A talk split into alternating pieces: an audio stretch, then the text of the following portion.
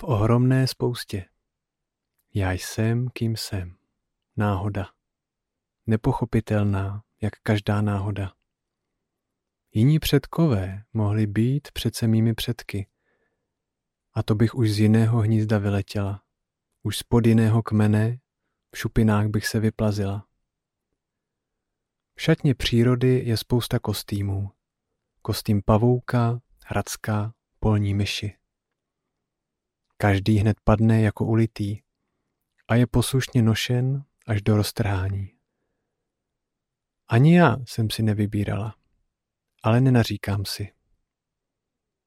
Mohla jsem být i někým mnohem míň ozvláštněným.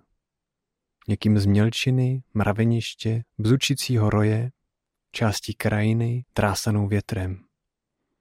Někým mnohem míň šťastným, chovaným na kožich či na sváteční stůl. Něčím, co pluje pod sklíčkem mikroskopu. Stromem uvízlým pevně v zemi, ke kterému se blíží požár. Stéblem udusávaným během nepochopitelných událostí. Kým si spod temné hvězdy, která pro jiné jasně svítí. A co kdybych zbouzela v lidech strach, nebo jen odpor, nebo jenom soucit?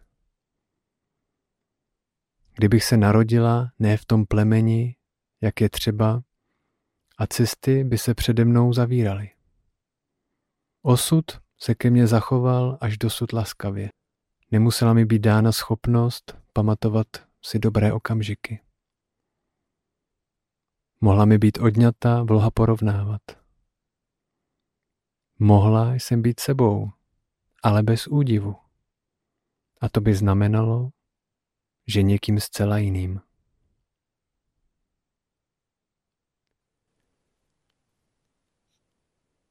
Autorkou této básně je polská básnířka Vyslava Šimborská. A mně se na téhle básni líbí, že se v ní snaží zachytit nebo vyjádřit tu nesamozřejmost toho, že jsme a že jsme právě sami sebou. Že jsme právě sami sebou a ne někým jiným nebo něčím jiným. Což v nás může někdy zbuzovat doopravdy údiv, když si uvědomíme, že nejsme středem světa, ale že všichni ostatní také, podobně jako my, vnímají, podobně jako my, touží po štěstí, po spokojenosti. A podobně jako my taky občas strádají, trpí nebo čelí různým obtížím nebo výzvám. Ale že v téhle ohromné spoustě, když si vypůjčím název té básně, tak my vlastně obýváme jenom ten kousek nám vymezený. Jenom tohle naše tělo, jenom tohle místo, kde teď právě tady jsme. A to je skutečně podivuhodné. A na začátku v té básni tak Vyslava Šimborská píše Já jsem, kým jsem. Náhoda. Nepochopitelná, jak každá náhoda. Že vlastně jsme někým, jsme někde, stalo se to, nevybrali jsme si to, a nebo možná vybrali a nevíme o tom.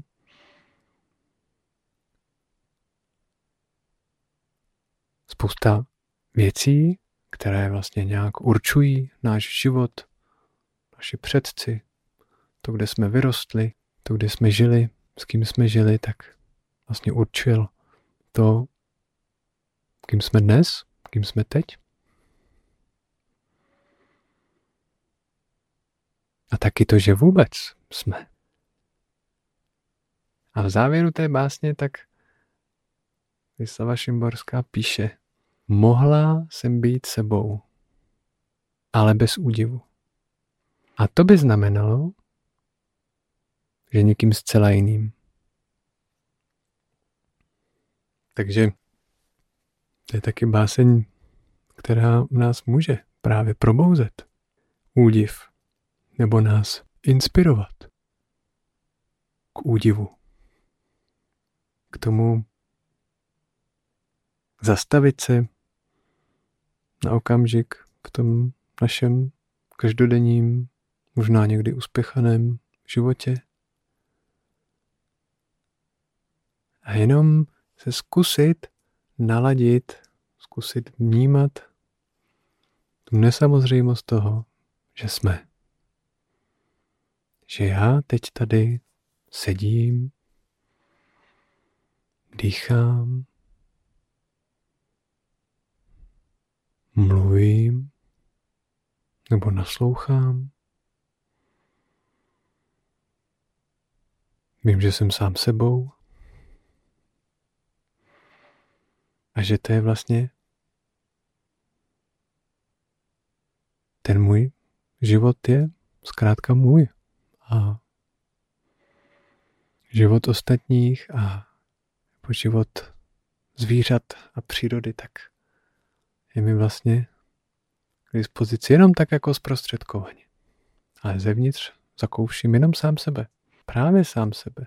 Jako sebe sama. A jak se to stalo? A jak se to děje? To je velké tajemství. A tak by byla škoda být tady, ale bez údivu. Protože už jenom to, že tady jsme, že jsme, že víme, že jsme, tak je něco naprosto nepochopitelného, podivuhodného. A tak může být hezké si s tím chvíli sednout, se s tím chvíli zastavit a jenom vnímat to, že jsme a že jsme tím, kým jsme.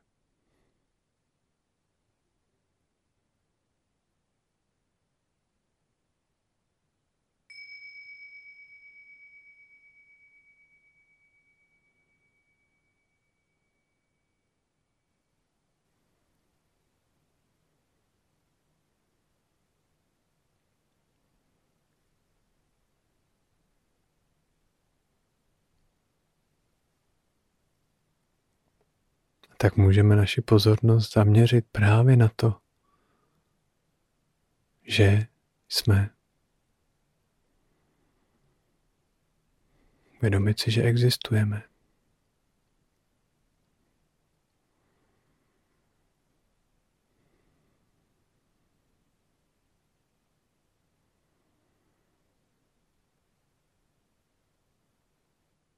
A že vlastně doopravdy existujeme a žijeme jen teď a tady.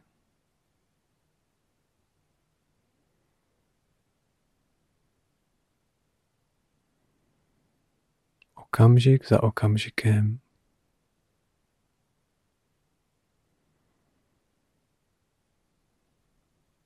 Vnímáme a uvědomujeme si,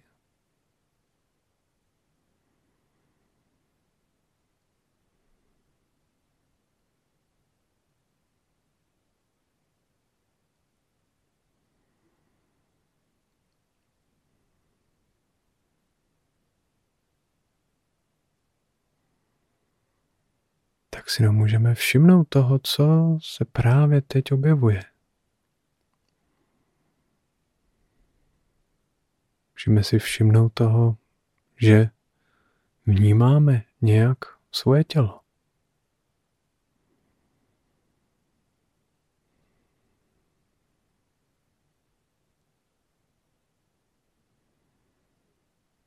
Že v našem těle se objevují nejrůznější tělesné věmy,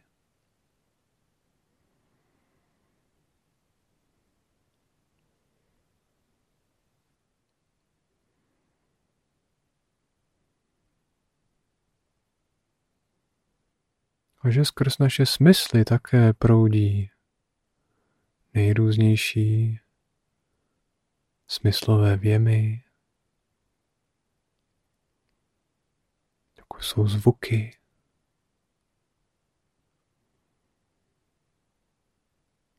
světlo, vůně,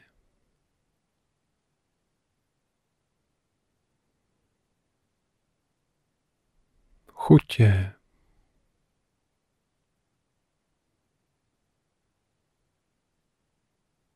nebo třeba vnímáme dotek, kontakt.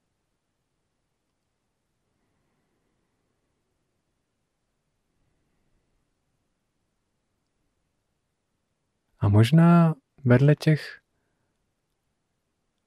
ryze tělesných věmů vnímáme i něco dalšího. Možná se nějak cítíme. Možná máme určitou náladu nebo prožíváme nějakou emoci.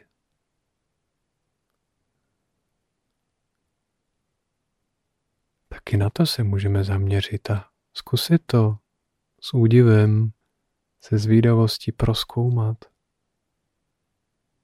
jak to vlastně vypadá, jaké to je.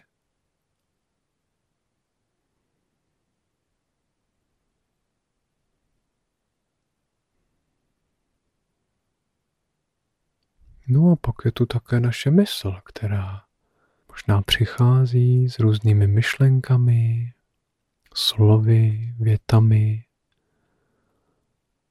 anebo obrazy, představami, vzpomínkami. Taky na to se můžeme podívat, protože ani to není vlastně vůbec samozřejmé.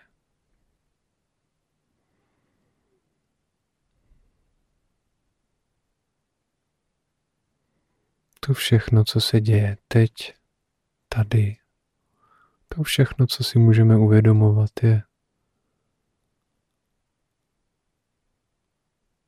tak trochu tajemství, tak trochu záhada.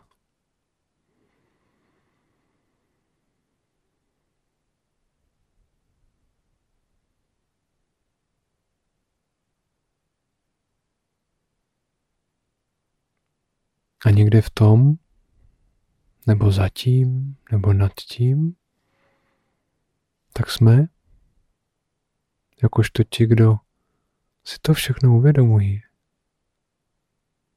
kdo to vnímají, možná s údivem, možná si samozřejmostí.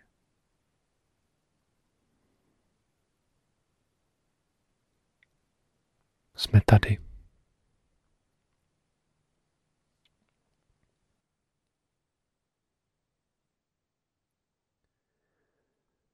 v ohromné spoustě. Já jsem, kým jsem. Náhoda. Nepochopitelná, jak každá náhoda. Jiní předkové mohli přece být mými předky. A to bych už z jiného hnízda vyletěla, už spod jiného kmene v šupinách bych se vyplazila. V šatně přírody je spousta kostýmů, kostým pavouka, aracka, polní myši. Každý hned padne jak ulitý a je poslušně nosen až do roztrhání. Ani já jsem si nevybírala, ale nenaříkám si.